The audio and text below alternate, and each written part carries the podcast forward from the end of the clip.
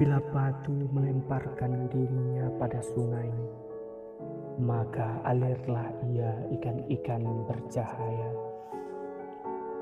Bila mega memercikkan dirinya pada langit-langit biru, maka araklah ia burung-burung gegap gempita.